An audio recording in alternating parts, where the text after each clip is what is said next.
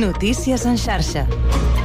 Bona tarda, són les 4 per la Marc Ventura. El Partit Popular manté la negativa a renovar el Consell General del Poder Judicial si no se'n canvia el sistema d'elecció. Avui l'òrgan compleix 5 anys de mandat caducat, però el portaveu del partit, Borja Semper, afirma que volen que siguin els jutges els que escollin els jutges. Tot això ve precedit per la reclamació aquest matí del ministre de Presidència, Justícia i Relacions amb les Corts, Félix Bolaños, que ha demanat que el Partit Popular aixequés el bloqueig a la renovació del Consell. Semper també ha anunciat que el seu partit preguntarà al Congrés i a l'Europarlament per la reunió entre el PSOE i Junts a Ginebra. En declaracions a la cadena SER, el president del govern, Pedro Sánchez, ha afirmat que voldria Junts i Esquerra compartint taula de negociació amb el Partit Socialista. Al final estamos hablando de las mismas cuestiones, estamos hablando de un problema político eh, y me gustaría que de alguna manera pudiéramos llegar a, una, a un proceso de negociación en donde estuvieran eh, esas dos partes afectadas, ¿no? en este caso en el, en el independentismo, es que es republicana y Junts per Catalunya. El PP també ha afirmat que preguntarà per la figura del mediador que els va acompanyar aquest cap de setmana, que es tracta del diplomàtic salvadorenc Francisco Galindo, una decisió que no ha agradat a l'expresident del govern José María Aznar en declaracions Antena 3. Con un intermediario del Salvador, especialista en las FARC, en guerrillas. Pero bueno, ¿pero a dónde se quiere llevar esto? Es que no se puede arrastrar más a un país por el fango. Esto no es política, esto no es nada parecido a la política. Esto es un disparate total, ¿no? Uns comentaris que el portaveu de Junts per Catalunya, Josep Rius, ha titllat de xenòfobs. En clau internacional, els ministres de Transports de la Unió Europea aposten per rebaixar als 17 anys l'edat per conduir i aplicar normes més estrictes als conductors novells. Aquesta és la posició que els titulars dels 27 han pactat aquest dilluns de cara a les negociacions amb el Parlament Europeu, l'altre col·legislador per revisar les normes sobre el permís de conduir i l'intercanvi transfronterer d'informació sobre les infra infraccions de trànsit relacionades amb la seguretat viària. I encara en clau de mobilitat, Ferrocarrils de la Generalitat ha licitat aquest dilluns la redacció del projecte per estudiar si és factible el desdoblament de les línies R5, la d'Igualada, i R6, la de Manresa, amb l'objectiu de millorar la fiabilitat, la resiliència i el temps del viatge. I en cultura aquest vespre se celebra la gran final del torneig de dramatúrgia catalana del temporada alta, l'enfrontament teatral més esperat de tot el festival. Això és tot fins aquí, les notícies en xarxa. Notícies en xarxa. Quatre i tres minuts. Comença el Connectats.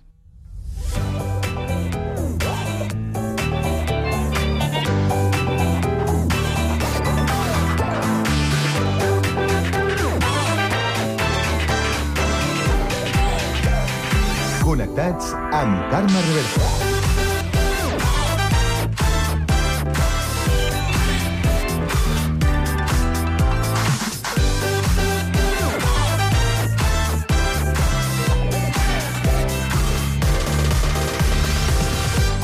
Molt bona tarda, salutacions i benvinguts un dia més al magazín de tarda de la xarxa, el Connectats, de l'àrea metropolitana de Barcelona, un programa que, com bé sabeu, fem Ràdio Sant Cugat, Ràdio Sabadell, la Ràdio Municipal de Terrassa, el Prat Ràdio, Ràdio Ciutat de Badalona i Ràdio Castellà. Una salutació de tot l'equip conduït a la part tècnica per Pablo Palenzuela i de qui us parla, Carme Reverte. Avui és dilluns 4 de desembre i volem saber quin temps ens espera aquesta tarda. Lluís Mi Pérez.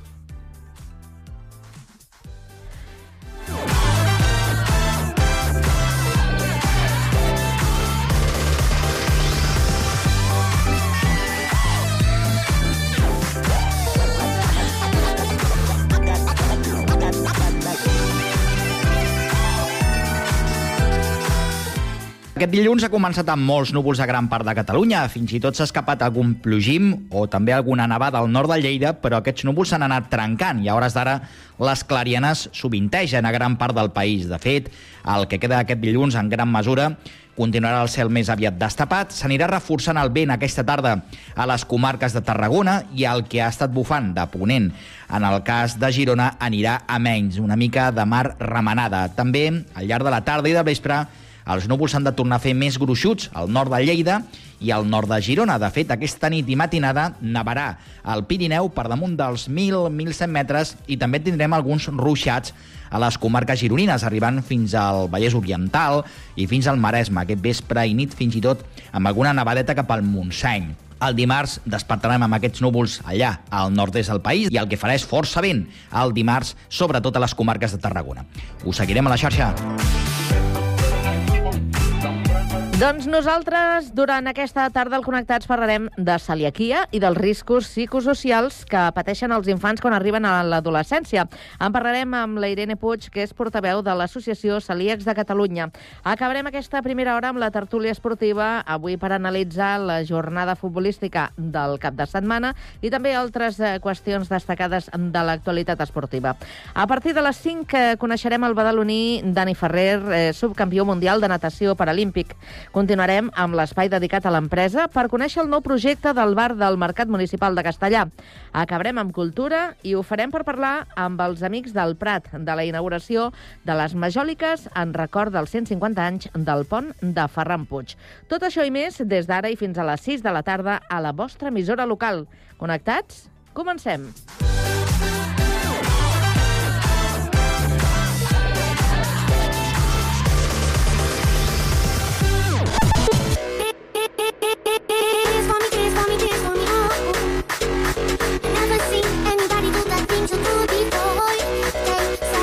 Connectats, una experiència radiofònica a Sabadell, Terrassa, Sant Cugat, El Prat, Castellà i Badalona.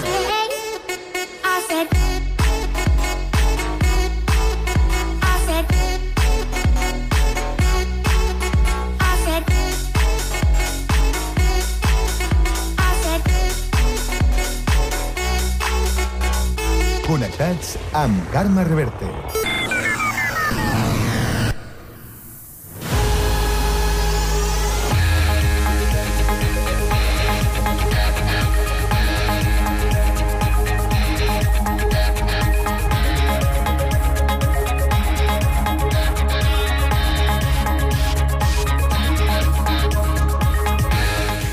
Les 4 i 7 minuts ens actualitzem i ho fem eh, repassant eh, aquesta ronda informativa que un dia més obrirem per Terrassa. Sergi Estapé, bona tarda. Bona tarda. La Policia Municipal de Terrassa ha frustrat un intent de robatori de les figures del pessebre situat al Raval de Montserrat davant de l'Ajuntament durant la matinada de dissabte. Els agents han intervingut a temps per frustrar el robatori i han identificat els autors d'aquest acte vandàlic. Ja comença a ser tradició del Nadal a Terrassa intentar robar les figures del pessebre. En aquest sentit, l'alcalde Jordi Ballar ha expressat la seva preocupació pel fet que aquest no sigui el primer cop que es produeixi un intent de robatori del pessebre elaborat per l'agrupació de pessebristes de Terrassa davant de l'Ajuntament. Aquesta organització ha estat responsable de crear el pessebre de la localitat durant diversos anys. La policia municipal està realitzant una avaluació dels danys causats i està preparant la denúncia corresponent contra els autors de l'incident.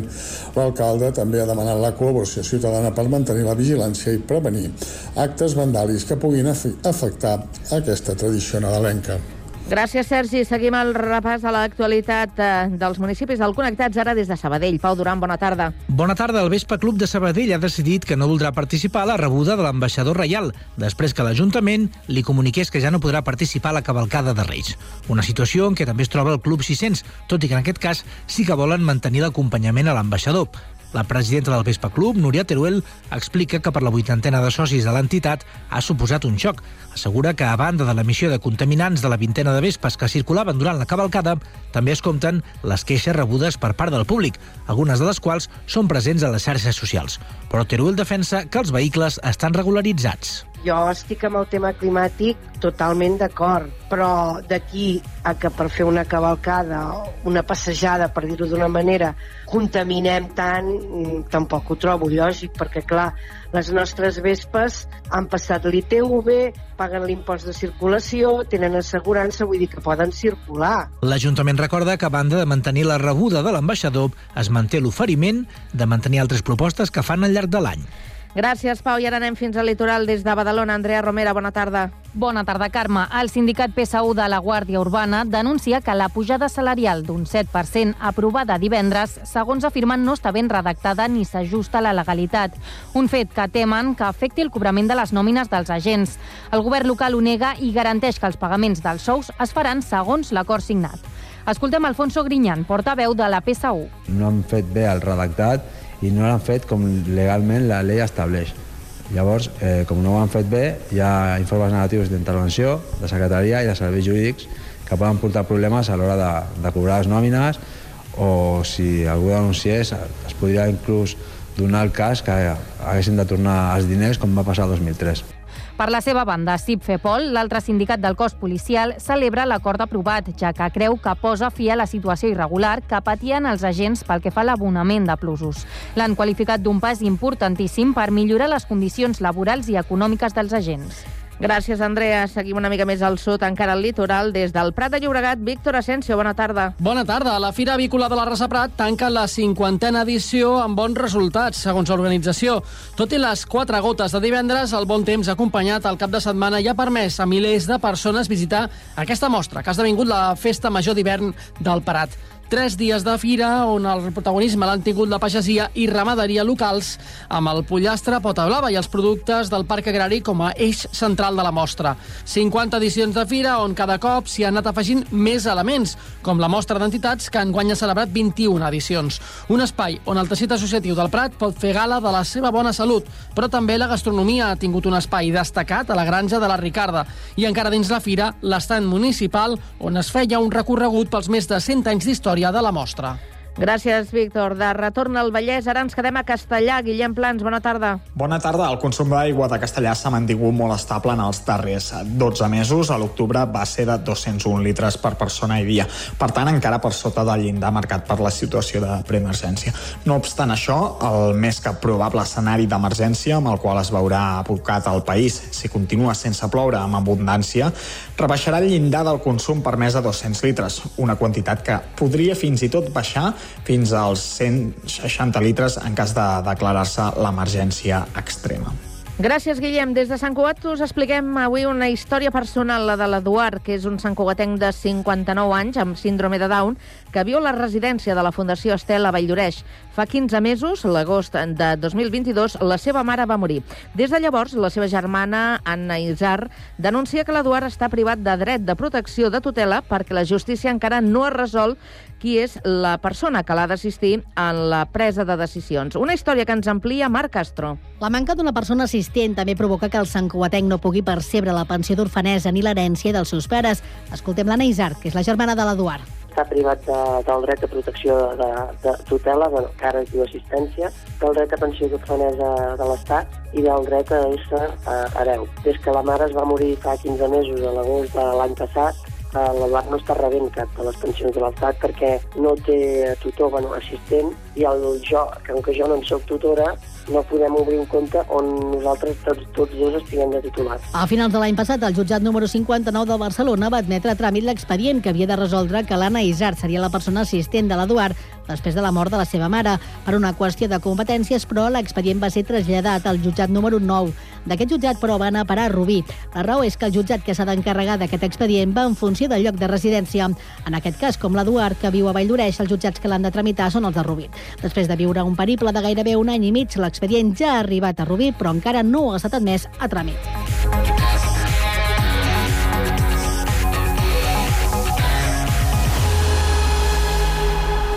A la tarda, no et desconnectis. A la teva ràdio local, connectats. Can't touch this. You can't touch this.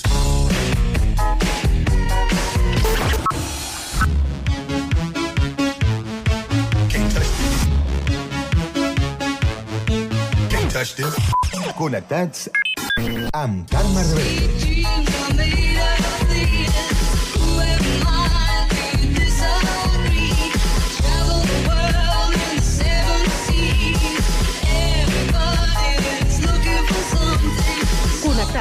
Una experiència radiofònica a Sabadell, Terrassa, Sant Cugat, El Prat, Castellà i Badalona.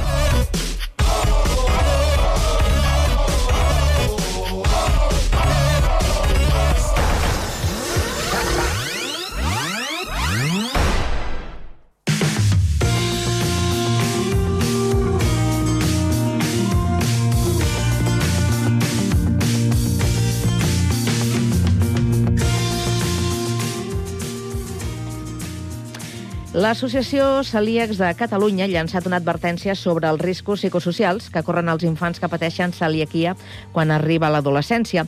Avui en parlem al Connectats amb la Irene Puig, que és portaveu de l'Associació Celíacs de Catalunya. Eh, Irene, bona tarda. Hola, bona tarda. Bé, a, aquest va ser un dels temes que es van abordar en el setè simposi sobre celiaquia i dieta sense gluten que vau fer a finals de novembre a, a Barcelona. És un tema que, que comença a ser alarmant i comença a ser preocupant entre la, la comunitat? Sí, és un tema que, que, bueno, que preocupa bastant als pares de- d'adolescents celíacs i preocupa, per una banda, la transició que es fa de, del pediatre al, al gastroenteròleg, no? I que, i que és una etapa pues, complicada i que es faci bé aquesta transició i després i que l'adolescent se senti acompanyat i després també als pares els preocupa molt com acompanyar a l'adolescent celíac i com li pot afectar el fet de tenir celiaquia amb el seu entorn social i com, bueno, i com li pot arribar a afectar en aquesta etapa, no? A més, coneixem casos que, que hi ha adolescents que és una etapa complicada i, i es, pre- es pregunten si pues, realment seré celíac, què passa si menjo gluten i llavors ho proven i posen en dubte aquest diagnòstic. Llavors és molt important tenir una comunicació fluida amb ells perquè, bueno, perquè per poder tractar tots aquests temes i tots aquests dubtes que els hi poden sorgir. Mm -hmm. Clar, eh, una, una, una cosa és com ho viuen els pares i, i l'altra és com ho viuen els propis eh, adolescents, els propis fills. Per als pares és una preocupació perquè, clar, se suposa que durant tot aquest temps, fins a arribar a l'adolescència, ells han establert eh, unes rutines, una manera de, de fer que se suposa que està establerta i consolidada. No? Ara tu ens parlaves, és que hi ha alguns que, que s'atreveixen a provar per, com, com per desmentir no? aquest eh, diagnòstic. Quines són altres situacions amb, amb les quals els pares es troben? Clar, exacte. És que és el que comentaves, no? Des de que, des de que han estat petits i els han diagnosticat d'infants, doncs els pares els han acompanyat, no? I fan tot un desplegament de tàpers, de controlar que ho mengin tot correctament, si mengen fora de casa, acompanyar-los, si han anat a colònies, fer tota la cerca, trucada, etc. No? Llavors arriba aquesta etapa amb l'adolescència i els adolescents comencen a sortir sols a menjar fora amb els seus amics, en un altre entorn, i aquí els pares ja, clar, ja no, ja no poden, evidentment, estar tan, tan a sobre, no? I llavors uh, hi, ha, hi ha diferents situacions. Una pot ser o que l'adolescent se senti exclòs pels seus companys pel fet d'haver de menjar la dieta sense gluten, que no pugui anar o, o prefereixin no anar a certs, uh, no sé, pues a un restaurant i prefereixin no anar-hi per por a contaminar-se, no? I a no trobar-se bé després uh, que el seu entorn d'amistats el veguin com un raret, no? entre cometes, eh? Mm. Vull dir, eh, que, que ells eh, no ho acabin d'entendre, que no ho acceptin, no? I que se senti exclòs i, i bueno, llavors, i també hi ha aquest altre que et comentava, no? que el propi adolescent, si per exemple de vegades hi ha persones celíaques que no són simptomàtiques i si l'han diagnosticat de petit i menja gluten i no li passa res, pensen, ah, pues, bueno, pues potser s'han equivocat, mm, potser em puc menjar i no passa res, i no són conscients que a nivell intestinal sí que s'està atrofiant l'intestí, no? Mm. I que a llarg termini hi ha greus conseqüències amb la salut. Llavors, per això és una etapa com, com molt important de, de, de tractar. Mm -hmm. I, I aquesta situació amb, amb la qual es troben els adolescents que, que pateixen la celiaquia, eh, en la relació amb els pares, és, és, és una situació que, que aborden, que comparteixen amb les famílies, que amaguen...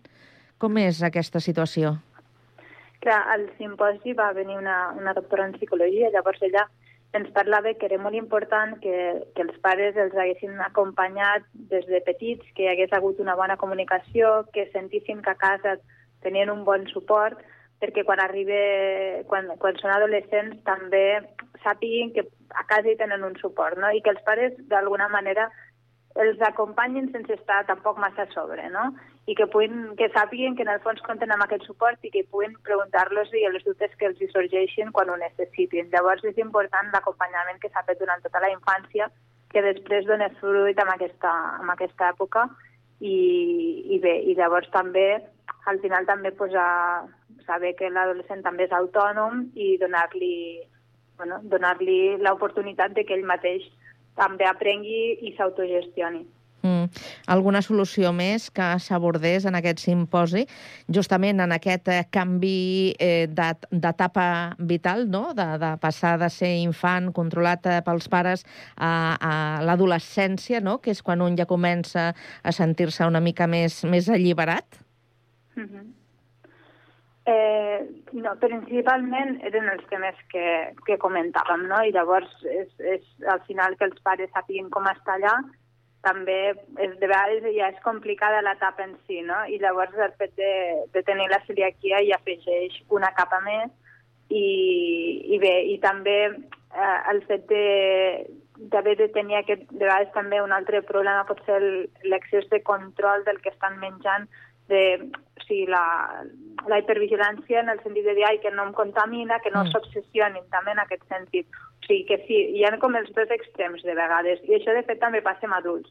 Per una banda hi ha un extrem que diu, bueno, menjo i no passarà res, i n'hi ha altres extrems que és tot el contrari, que és, ai, ara, ara a veure si em contamino, ai, a veure si ara he tocat això o l'altre, en un excés de- d'obsessió, no? Llavors, bueno, s'ha d'intentar trobar sempre un terme... Equilibris, no? Sí, exacte. Uh -huh. En aquesta trobada, eh, en què hi van participar diferents eh, professionals, des de l'àmbit de la medicina, la nutrició i la psicologia, que ara estàvem comentant, eh, quines novetats, quins avenços es van poder presentar? Bé, es van presentar una, una de les xerrades que va ser també bastant interessant. Es parlava sobre els fàrmacs que estan en estudi per tractar en un futur la malaltia celíaca, perquè, doncs, com se sap, actualment l'únic que es pot fer és seguir la dieta sense gluten, no?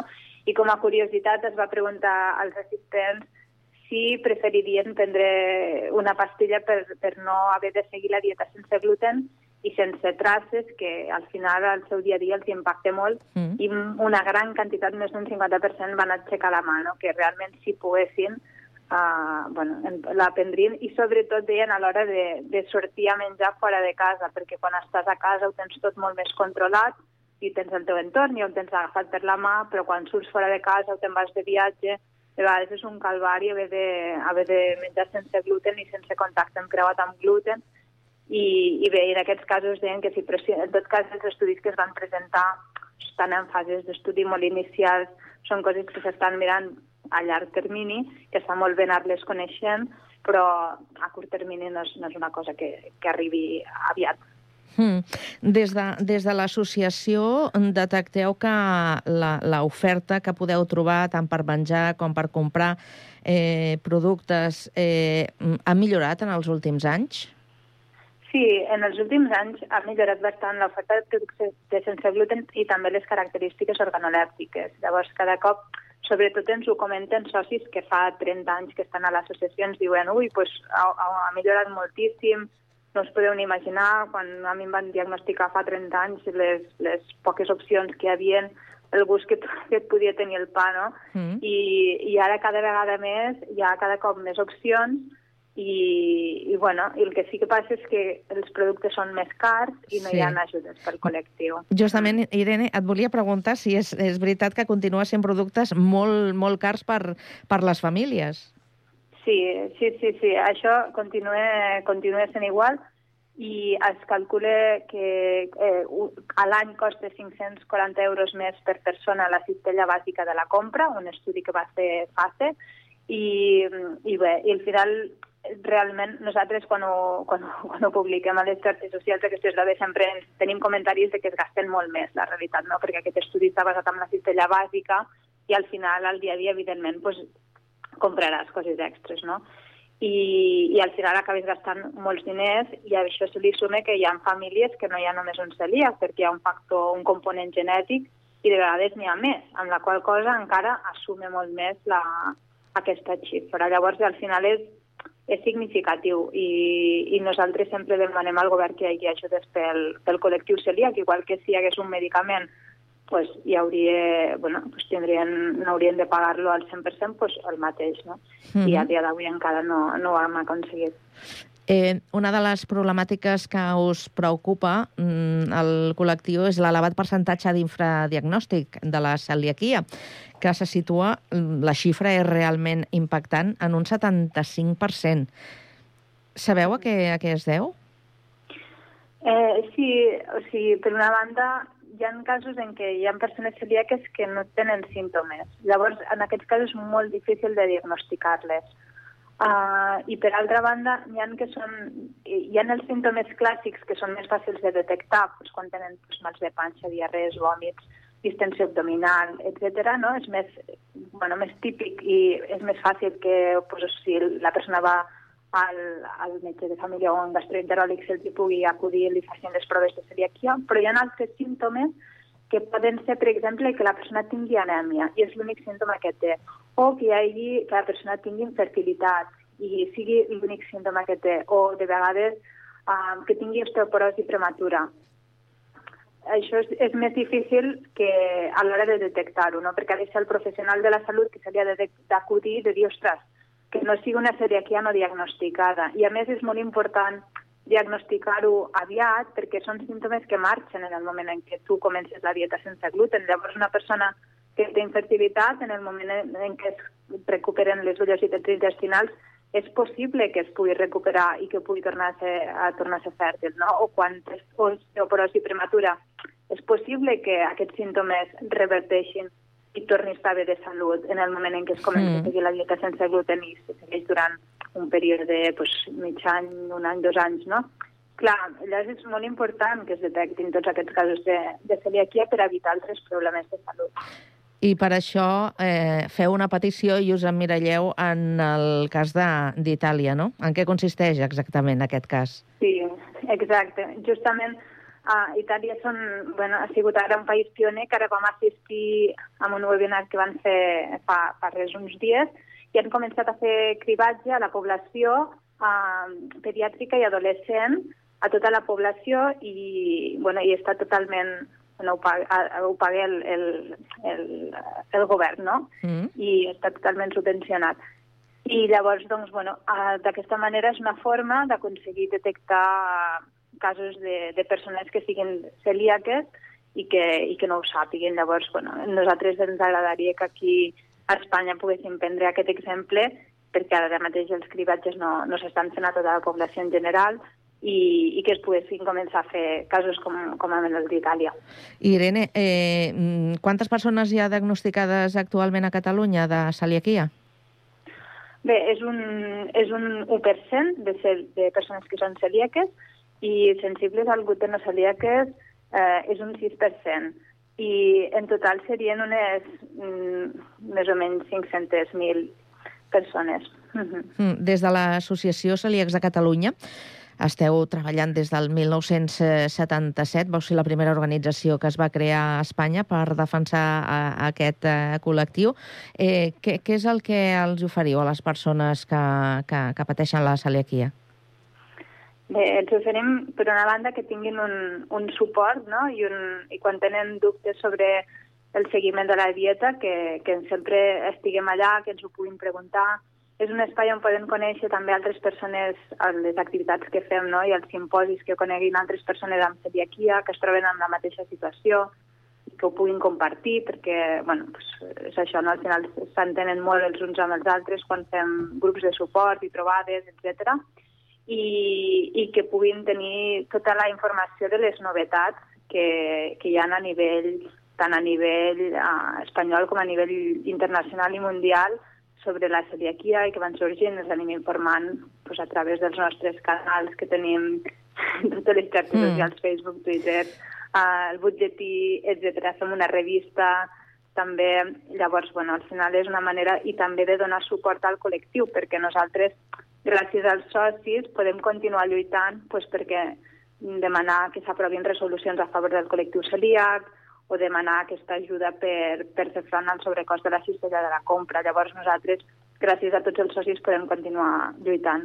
I escolta'm una última qüestió, Irene. Aquestes festes de Nadal per a, per a vosaltres són tan especials eh, com per la resta o és una mica dur de, de portar? Sí, de, de vegades pot ser complicat, eh? Eh? De fet, ara justament vam fer la setmana passada una activitat online que era un grup de suport per a, per afrontar les, les festes nadalenques, o sigui, ja prevenint, perquè al final eh, pot ser complicat. Al final, de vegades els àpats familiars hi ha famílies, depèn, això depèn de cada casa, hi ha famílies que ho tenen, estan superconscienciats, ho tenen molt clar, i ja ho fan sense gluten per tothom, i, i s'impliquen molt, i n'hi ha d'altres que no acaben d'entendre, els costa als familiars acabar d'entendre tots els protocols a seguir, i llavors la persona celíaca pues, acaba portant el seu tàper, vigilant que no li passin un plat amb gluten per damunt del seu plat sense gluten, mm. etc. Llavors, bueno, també, depèn, també per això és important anar conscienciant i que la gent entengui que al final no és, no és que la persona sigui quisquillosa i que sigui una pesada amb el tema de ai, no puc menjar això allò, sinó que no, no, que és que és, un, és una malaltia autoimmune que és molt greu i que la persona pues, al final li afecta molt si, si menja gluten. No? Llavors, a veure si a poc a poc entre tots anem conscienciant-nos i cada cop bueno, que sigui més bueno, que al final puguin gaudir les persones celíaques d'un Nadal pues, normal com qualsevol altra persona. Clar que sí. Irene Puig, portaveu de l'Associació Celíacs de Catalunya, moltíssimes gràcies per acceptar la invitació del Connectats i que tingueu molt bones festes. Moltíssimes gràcies a vosaltres. Bones festes.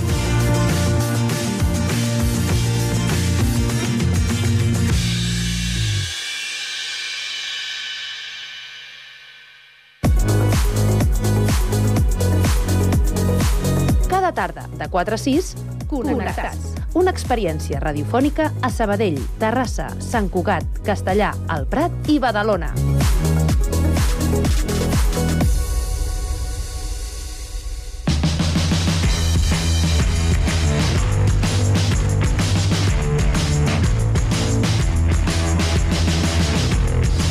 Quan passen dos minuts de dos quarts a cinc de la tarda, continuem en aquest Connectats de dilluns, ara fent tertúlia i tertúlia esportiva. Un espai que compartirem amb el Jesús Galindo, que és eh, periodista i el tenim via telefònica. Jesús, bona tarda.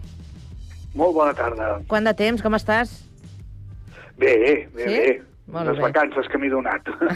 Molt bé, perfecte, sempre van bé.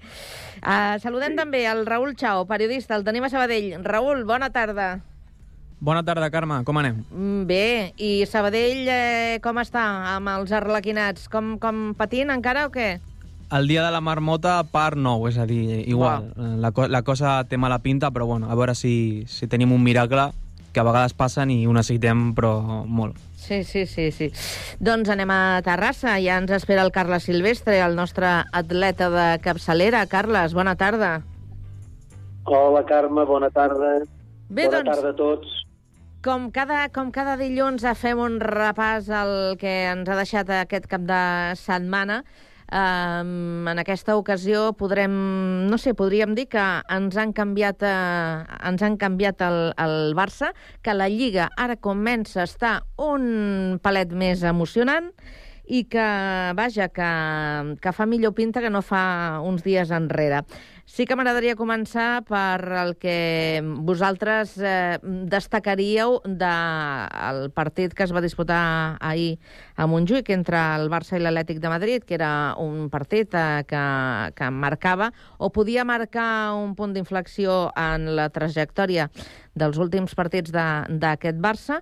I jo suposo que hi ha molta gent que es pregunta com pot ser que un equip canvi mm, tant en, en tan poc temps. Perquè si el que van fer ahir mm, ho, ho van fer amb solvència, com, com, com és d'esperar, en els noms eh, propis que formen aquest eh, Barça, no ho han pogut fer abans. De tot això en parlem, i vosaltres mateixos, a veure per on voleu començar a, a disparar. Carles, Jo tu... crec que vam veure- Ah, vinga, Raül, tu. Vam veure, jo crec que els millors 60 minuts de, de l'era Xavi d'aquest uh, any, uh, sense cap mena de dubte. És a dir, el Barça més reconeixible amb, els, amb la seva essència de, de joc. A la primera part, si eh, veiem el partit i ens diuen que el resultat va ser 4-0, ens ho haurem de creure, perquè Lewandowski va fallar 3 que eren, van ser molt clares, més la de Rafinha només començar, i jo crec que això dona símbols de que el Barça va, va més i millor. I a tot això també se li ha d'acompanyar amb l'Atlético de Madrid que va sortir com si sortís jo a jugar a futbol, és a dir, em quedo amb les declaracions que va dir Oblak a l'acabar el partit, que va dir la primera part ningú volia jugar i després quan intenta reaccionar ja és massa tard, perquè el Barça també s'ha donat compte que té un segon porter, que és un porteràs, que és Iñaki Peña, i ha fet una de les parades de, de, la, de la Lliga. Mm. A tot això, si li ajuntes que De Jong i Pedri eh, van començar a anar jugant després de, la, de, de recuperar les seves eh, lesions pertinents, eh, això se li nota molt al Barça. I com ho expliques tu, Carles, aquest canvi? Bé, eh, bastant d'acord amb el Raül. Eh, una gran primera part, bueno, més d'una primera part, eh, perquè l'Atlètic de Madrid eh, va dominar els últims 10 minuts, que és lògica de més. A veure, intensitat. Intensitat, els jugadors col·locats al seu, al seu lloc, eh, el, el Condé ha de jugar de lateral, l'Araujo ha de jugar de central, al mig del camp implicat, els de davant van ajudar, quan juga el Rafinha, el Rafinha ajuda a darrere, el Lewandowski, déu nhi el Joao Fèlix no tant, però bueno, es dedica a tarees de, de, de construcció, i hem recuperat lesionats, el Peri està agafant el to, el De Jong també, i que van sortir sapiguent que era un matchball, i si, si, clar, és el que diem, si sempre juguessin així, sempre no es pot jugar així 38 partits, això no existeix ni ho fa cap equip.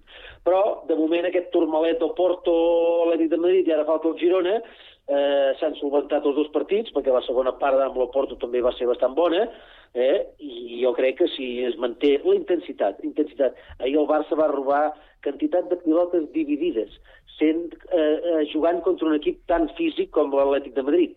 Eh? I vull dir que, bueno, hi van posar els sis sentits i, i van fer un partidàs, un partidàs. Mm. És cert que mantenir el, el nivell sempre, aquest nivell eh, top màxim, és, és bastant complicat, però el que és més discutible és l'actitud. I l'actitud sí que es pot mantenir. Ah, sí, ja, L'actitud sí. Jesús. L'actitud és potser el que els hi faltava amb els partits aquests que, que, que havien fet tan malament. Vull dir que faltava actitud. I ahir van sortir endollats des del primer minut. Ahir van sortir disposats a que no els fessin el gol aquest tonto que estan rebent els primers minuts i que marquen els partits que per això el Barça estava tan malament. Jo no crec que sigués pels jugadors. Sí que el, el Pedri i el De Jong estan en millor forma, estan recuperant la forma i són bàsics per aquest equip, eh? però jo crec que si el Barça estava malament era per culpa dels començaments que tenia que no sortien endollats. I llavors ja vas contra la rellotge, ja entren els nervis i comences a funcionar malament. Si tu surts un partit amb l'actitud que van sortir ahir, des del primer moment, anar a mossegar, anar a mossegar, anar a buscar el gol, eh, difícilment eh, tornarem a veure el Barça de les últimes jornades, de passades jornades, que jo crec que és com ha de sortir el Barça. Eh, perquè una cosa és anar a remolc i una altra cosa és que, el, que vagin a remolc els altres, al contrari. I jo crec que va ser la base del partit d'ahir, que va ser això, uns primers 60 minuts, una hora de partit boníssim per part del Barça, jo crec que dels millors que han vist aquesta temporada, i, i després van saber aguantar bé el moment de, del, de l'Atlético, que anava desesperat ja al davant, i van saber aguantar força bé. L'Araujo va tenir unes intervencions molt bones darrere, el Dan Penya també va estar fabulós, jo crec que, que és un porter amb garantia, si ara el Ter Stegen es confirma que ha de passar pel quiròfan, com s'apunta, ofereix garantia a l'Ivan Penya, i això és bàsic pels propers partits. Amb un marge, perdó, però un, només un incís petit abans d'acabar la meva intervenció és uh, el, el proper partit amb el Girona. Jo crec mm. que és un capítol a part perquè per mi el Girona actualment és l'equip que millor juga a futbol de primera divisió. Sí, sí. Personalment, eh, amb els partits que he vist, és el que millor juga a futbol. Ho hem Com comentat. No tindrà les figures de Barça i Madrid, però és el millor. Sí, sí, però I té una un empenta molt i un esperit que aprofita al màxim. Exacte. Sí, sí. Exacte. Eh, estem d'acord, Jesús, ho hem comentat en altres eh, tertúlies, que fins ara és eh, l'equip que, que ha practicat millor futbol a, a la Lliga. Eh, en en aquest eh, últim partit amb l'Atlético de Madrid, amb el partit a l'Oporto, es va repetir alineació. Si us fixeu, eh, és una alineació amb els... Eh, amb els noms propis que tenen més galons, és a dir, els, els veterans, els que se suposa que han de treure les castanyes del foc. quan hi ha hagut jornades en què no estava massa clar si, si Xavi doncs, eh, feia, feia proves i, i, i no sabíem eh, per on anaven una mica els trets. Jo això us ho plantejo ara perquè pregunto, quin, quin és el paper que li quedarà als eh, joves a partir d'ara si es consolida aquest equip eh, titular? M'estic referint doncs, a, a Lamin, m'estic referint a Fermín, m'estic a- referint a Valde, que també era un home que en el lateral estava ja bastant eh, consolidat. Què, què penseu que pot passar? Bueno, primer de tot, en No, el cas de Valde, Valde, Valde primer de tot ha de, ha de tornar a recuperar el seu nivell, perquè ara mateix està any lluny de, del que va fer l'any passat. És a dir, l'any passat era el millor lateral esquerre de- d'Europa i ara mateix mm, està molt lluny de, de tornar així. Aleshores, jo crec que tenir una competència com Cancelo jo crec que ajudarà bastant a intentar tornar al seu nivell. Després, els cas de, per exemple, Fermín, Lamin, eh, són jugadors molt joves, sobretot en el cas de Lamin, que tindran oportunitats segur, perquè és a dir, la, la Lliga no para, eh, la Champions, ara arribarà al gener arriba la, la Copa del Rei, aleshores seguirem tenint tres partits per setmana, aleshores hi haurà minuts per tots, i a més les lesions, és a dir, amb, amb el mes d'octubre i setembre que, que hem tingut, eh, tots els jugadors tindran minuts i han d'estar preparats per, pel seu torn i sobretot a mantenir el cap fred, és a dir, que quan no arribi el seu moment han d'estar preparats per, per quan arribi aquest moment i, i aquests 15 minuts que puguin tenir, o mitja hora o 60 minuts, estar al màxim. Mm. Sí, sí, estic, estic d'acord. Eh, a, més, a veure, això, això de l'equip ideal i l'once ideal que, que va fotent la premsa, eh, ara no hi ha un 11 ideal. Eh, abans, això és de l'època del Cobal, es podien fer canvis i jugaven 11 i ja està. Ara has de tenir 16 o 17 jugadors eh, endollats. Que quan el Xavi miri a la banqueta digui, hosti, tinc aquí 4 o 5 que quan surtin eh, faran bon paper. Bueno, eh, toquen els joves fer aquest bon paper. Eh? Vull dir, i si hi ha algun veterano que es lesiona o algun veterano que baixa de forma, per exemple, el Lewandowski ara no està fi, bueno, però no tenim cap altre delanter centre. Poder com vingui el Víctor Roque aquest, poder li fotrà el puesto i hi haurà més competència. Però bueno, Fermín, falta el Gavi. El Gavi, quan eh, torni a estar bé, serà l'any que ve, esclar, ja. Eh, la temporada que ve, eh, a punta titular, el Gavi és, és un dels titulars. Eh? El Fermín, el Yamil el Yamal, aquest té 16 anys, no podem pretendre que jugui tots els partits. Aquest nano com a revulsiu, millor que, que, que, que, que no pas que surti d'entrada. Eh? Aquesta eh, és una mica l'alineació tipus que va fer ahir contra l'Oporto, però amb variants i amb 5 o 6 jugadors que poden anar entrant i sortint segons el partit. Eh, Jo crec que és això. Les rotacions que faci el Xavi seran fonamentals. Eh? Aquí està el secret d'un bon entrenador d'aquests grans equips. Eh? Fer unes rotacions eh, adequades a cada partit. Eh? Aquest és el secret de, del Xavi. Ja jo no estic d'acord del tot, perdona. No Endavant. estic d'acord del tot. Vull dir, uh, jo penso que uh, més que parlar de, de, de noms, hem de parlar d'equip. Jo crec que el que li faltava al Barça una mica era continuïtat. No un equip sòlid, sinó confiança als jugadors. I jo crec que els jugadors, eh, el fet aquest que feia ja no rotacions, sinó canvis. Perquè rotacions és quan dones descans a un jugador perquè porta masses partits i el vols donar. I el que he fet amb aquesta primera part de la Lliga, amb aquests primers partits que es porta al primer terç de la Lliga, el que ha fet Xavi és cada dia una alineació diferent, cada dia un jugador diferent, cada dia eh, i això als jugadors, puguis o no, els afecta. Jo crec que el fet de tindre un equip, un 11, independentment de noms, siguin joves, siguin grans, sinó un 11 que tingui una confiança mínima d'uns partits, que digui, bueno, anem a jugar, i llavors que al darrere estiguin els altres ben preparats esperant sortir i així. Jo crec que és bàsic. I el fet de, de tindre un equip, l'equip reconeixible que dèiem, que, que apuntava abans el company de que no, de que ja no existeix això, jo crec que sí que existeix, que sí que existeix, que, que té que existir. Els grans equips, pràcticament l'alineació la cantes. La canta tothom amb les seves variacions per un partit concret, perquè dones descans, perquè fas rotacions. Però eh, el fet de cada vegada, cada partit, fer una alineació diferent, canviar un jugador i així, fa perdre confiança. El jugador no té confiança, perquè no sap si tornarà a jugar o no tornarà a jugar. Uh, jo crec que és una forma de sentar els papers dels jugadors. Hi ha un equip que és bàsic, llavors hi ha uns jugadors que són complementaris, uns que van entrant contínuament i que hi haurà temps de jugar a tots, a joves, a grans, tots acabaran jugant perquè la temporada és llarguíssima. És llarguíssima i poden passar mil coses. Però que hi hagi un equip reconeixible. I jo crec que això és bastant bàsic. Mm.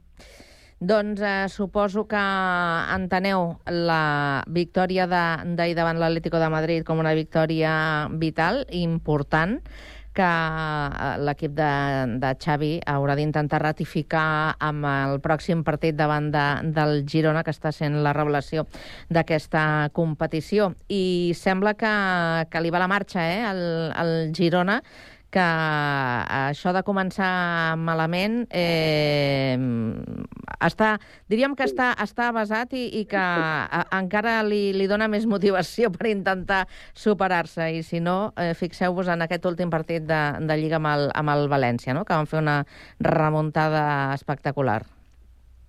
I no és la primera vegada, és a dir, jo Mm. crec que és un equip que li agraden fer les remuntades i a sobre a Montilivi. El que parla el partit contra el València, primer de tot, és eh, el que hem dit a setmanes, a la setmana, que el Girona no té una plantilla d'11 jugadors que siguin titulars, és a dir, que el Girona té una plantilla de 15-16 jugadors que podrien jugar perfectament i no desentonarien per res.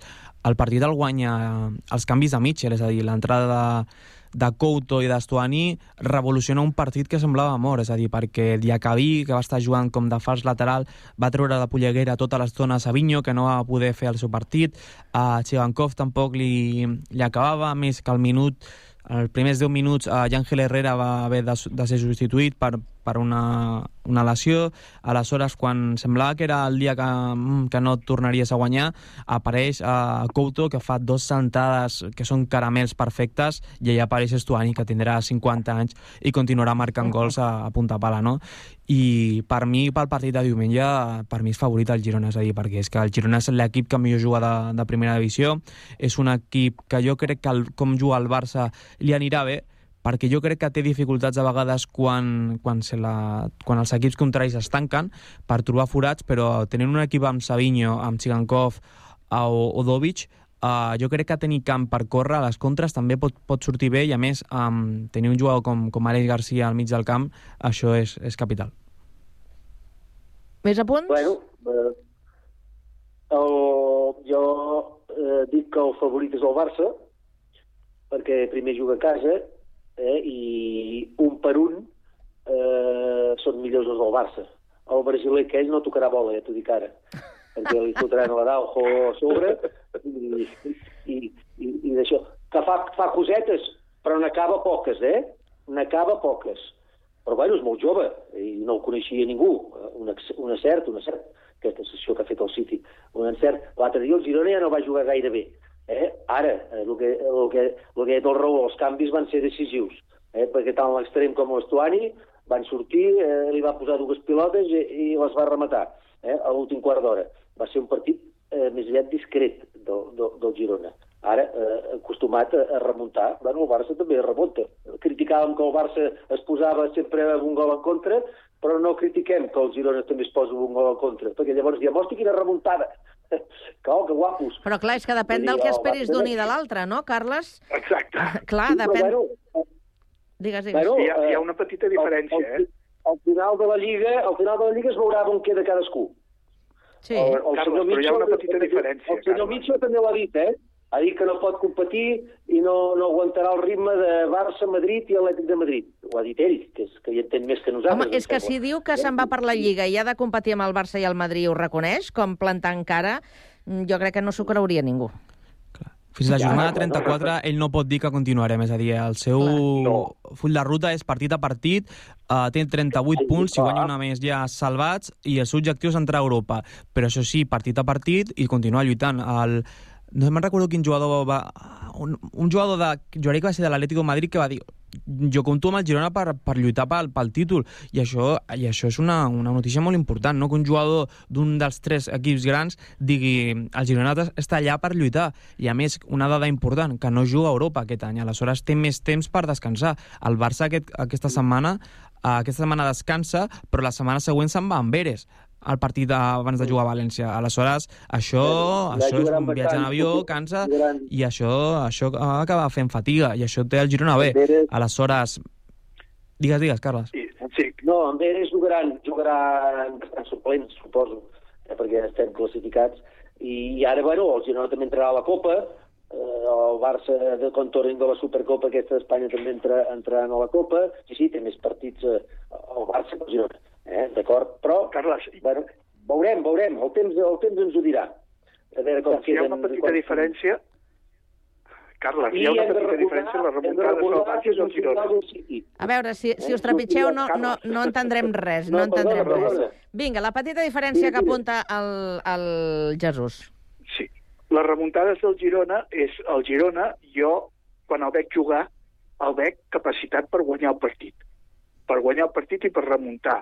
Veus que té, jo he vist partits del Girona, n'he vist bastants aquesta temporada, m'hi he enganxat al Girona, i la veritat, els veus que es, estan perdent i dius guanyaran el partit. El guanyaran, perquè veus que juguen, que van, que combinen, que arriben. I un cop, un altre, un altre, un altre. I els veus convençuts de que poden guanyar. El Barça, les remuntades, eh, moltes jornades, els has vist convençuts de guanyar? Jo no, jo els he vist patir molt. I com hi han remuntats i han guanyat. Ha hagut partits, però sí, patit ha hagut moltíssim. És una diferència bastant notable, eh? Bé, ho deixem... Bueno, el Barça també només ha perdut un partit, el Girona també n'ha perdut un. Ja ho el sé. N'ha perdut un. Ja ho sé, però el Barça ha, ha guanyat els partits el Barça ha guanyat els partits per la qualitat que té dels jugadors, per molts partits. Els ha guanyat perquè, perquè són molt superiors. El Girona els ha guanyat per convenciment, per joc. Mm, És una petita Sí, sí, diferència. no, Jo, no, crec, jo no veig favorit pel partit del proper partit, eh? del Barça-Girona, i jo no m'atreveixo a donar un favorit. Va, doncs I mira, ho, deix, ho deixem, No perquè hem posat un, un 1, una X i un 2. O sigui que segur que un de vosaltres l'encertarà. Això, l'encertarà. això, està, això està clar. Eh, Deixeu-me que, que incorpori un tema nou. No sé si sabeu que ahir va ser el Dia Internacional de les Persones amb, amb Discapacitat. Eh, L'esport està considerat eh, doncs, eh, com un mitjà eh, que, que permet facilitar la inclusió de, de, de persones eh, a través de la pràctica esportiva. I, i us he proposat un cas que és el de CESE, que és un equip de bàsquet especial que, de fet, competia en la Lliga Sell, eh, que ha quedat ha, desbordat en la seva competició i després anava al Campionat d'Espanya i també feia el mateix. I van decidir entre l'equip, els jugadors i les famílies, escolteu, i si fem el salt i ens n'anem a competir amb les persones que no tenen discapacitat? I ho estan provant i els hi estan anant la, la mar de bé. Eh, en, en general, en general, i ara mira, li preguntaré al Carles, en, el, en la pràctica de, de l'atletisme, eh, jo crec que és més habitual no? trobar persones que tenen alguna, alguna discapacitat que per la pròpia superació i per, les, eh, per la capacitat que tenen, eh, al final acaben competint amb, amb persones que no tenen cap mena de, de discapacitat, no? És així? Precisament, la, sí, sí, l'altre dia a la Jean Boeng hi va participar aquell xicot Ali Prim, a veure si ho dic bé, Jordi Roca, em sembla que Sí. diu. O, o, o Àlex. O Àlex Roca, sí, mm. vale, eh, que ja va, va córrer també una marató i, i, i sí, sí, i, i corren, eh, i, i corre gent amb, amb, amb, capacitat eh, in- intel·lectual, amb discapacitat, sí, sí, l'autisme es dona, es dona, hi ha casos, sí, sí, i llavors hi ha gent que va amb guia, també, a l'autisme, eh, que són cegos i van amb un guia, eh, també, també es dona. Uh -huh. I aquí en el bàsquet, bueno, jo no, no ho sabia, no, no l'he seguit gaire aquest equip, bueno, gens, el CC, m'han enterat ara fa pocs dies d'això, però bueno, es veu que estan competint a la, a la Lliga normal i estan donant guerra. Han perdut alguns partits, però de 5 punts, de, de 4 punts, vull dir que estan donant, estan donant una gran talla. I, bueno, i, i l'il·lusió sobretot eh, d'ells de, de participar i de, de jugar amb equip. I, i n'hi ha molts que es coneixen de fot, de fot molts anys, vull dir que eh, hi, ha, hi, ha, pinya, hi ha pinya i això fa que, mm. que ho facis amb il·lusió i juguis, juguis a, to, a totes. Pregunto al, al Raül i al Jesús, què, què us sembla que, que, que es pugui fer servir l'esport precisament per, eh, per, per incloure totes les persones, tinguin o no discapacitat? Eh, eh, segurament que hi ha disciplines on això és més factible eh, fer-ho. Com, com ho trobeu? La màgia de l'esport és increïble per coses com aquestes. És a dir, quan he llegit la notícia, uh, deia l'esport és únic. L'esport és únic i ells, aquest equip, és el que reflecteix això, perquè ells ara mateix s'ho estan passant increïble, s'ho estan passant, ho estan gaudint uh, de manera increïble amb l'esport i a més a més uh, estan donant una lliçó contra tots els jugadors que estan jugant i això és, és màgia per l'esport i sobretot per l'entrenador que ho ha decidit juntament amb les famílies i els jugadors. Mm.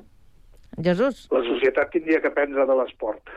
La societat tindria que aprendre molt de l'esport, perquè l'esport és solidaritat i és aquestes coses. I veiem fets com aquests, que són increïbles i que jo crec que són fantàstics, són fabulosos que es donguin.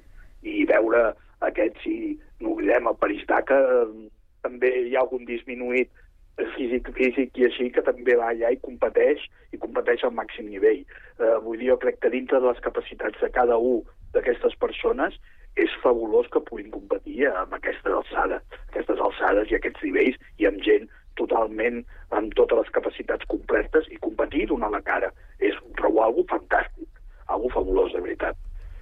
Eh, ara que parlaves de, del Dakar, eh, l'Isidre Esteve, per exemple, Isidre Esteve, per això. no? És un exemple. Sí, sí, és un exemple. Un Una gran exemple, també. És una persona que competia quan no tenia cap eh, dificultat i, i que mm, ha continuat eh, competint després i fins i tot també ajudant a persones que, que, que han tingut eh, problemes i que han volgut eh, continuar fent una pràctica esportiva amb, amb, amb, amb la situació nova que, que s'han trobat, no?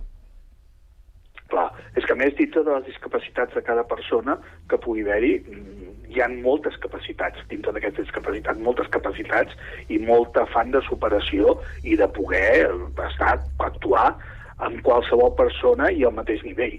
Saps què passa? Jo que ens quedem amb la superfície, fabulós. Jesús, ens quedem amb la superfície sí. i només ens fixem en aquesta discapacitat i no veiem totes les altres capacitats que sí que hi ha. Exacte, no veiem les capacitats. Exacte. Que n'hi ha moltes. Ho deixem aquí. Jesús, en Raül, Carles, que tingueu una molt bona setmana de pont, o amb ell o sense. Que vagi molt bé. Bona tarda. Igualment. Bona tarda. No és el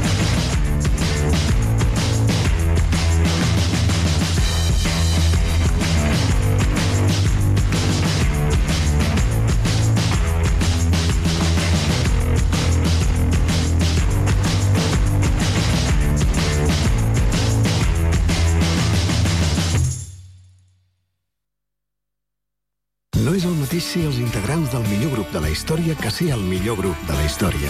Per això, el grup català Occident serem Occident, perquè per continuar assegurant-ho tot, tot i tot, ens havíem d'ajuntar tots, tots i tots. Entra a seremoccident.cat. La música descriu el territori. La paraula descriu la música. Música i paraula. Paraula i territori.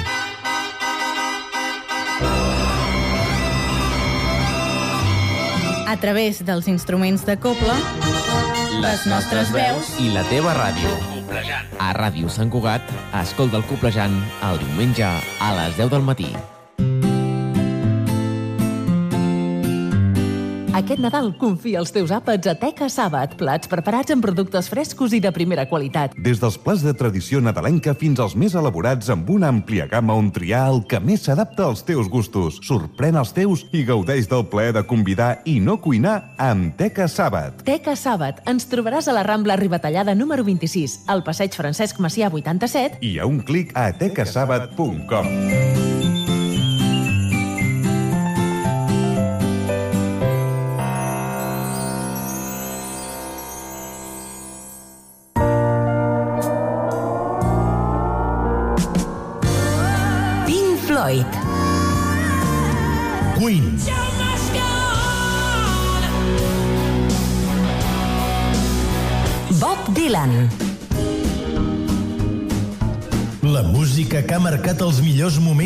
teva vida a Jukebox de nit. Els dilluns a les 10 de la nit, a Ràdio Sant Cugat. Ràdio Sant Cugat. 91.5 FM. Per tu. Per tu, amb el taller Jeroni de Moragas, un programa fet per persones amb diversitat funcional i intel·lectual. Som el programa Per tu, del taller Jeroni de Moragas. Aquest mes el taller han començat amb nosaltres dues voluntàries internacionals de l'associació Bíblia. Seguim amb la secció de notícies. Marc. El Gerard Piqué ha decidido que ja és hora de irse. Com a notícia extraordinària volem presentar a Maria Branyes Morena. Aquest mes de febrer el tenim ple de concerts i espectacles. Y hasta aquí nuestro programa. Per tu, cada mes a Ràdio Sant Cugat, Cugat Mèdia.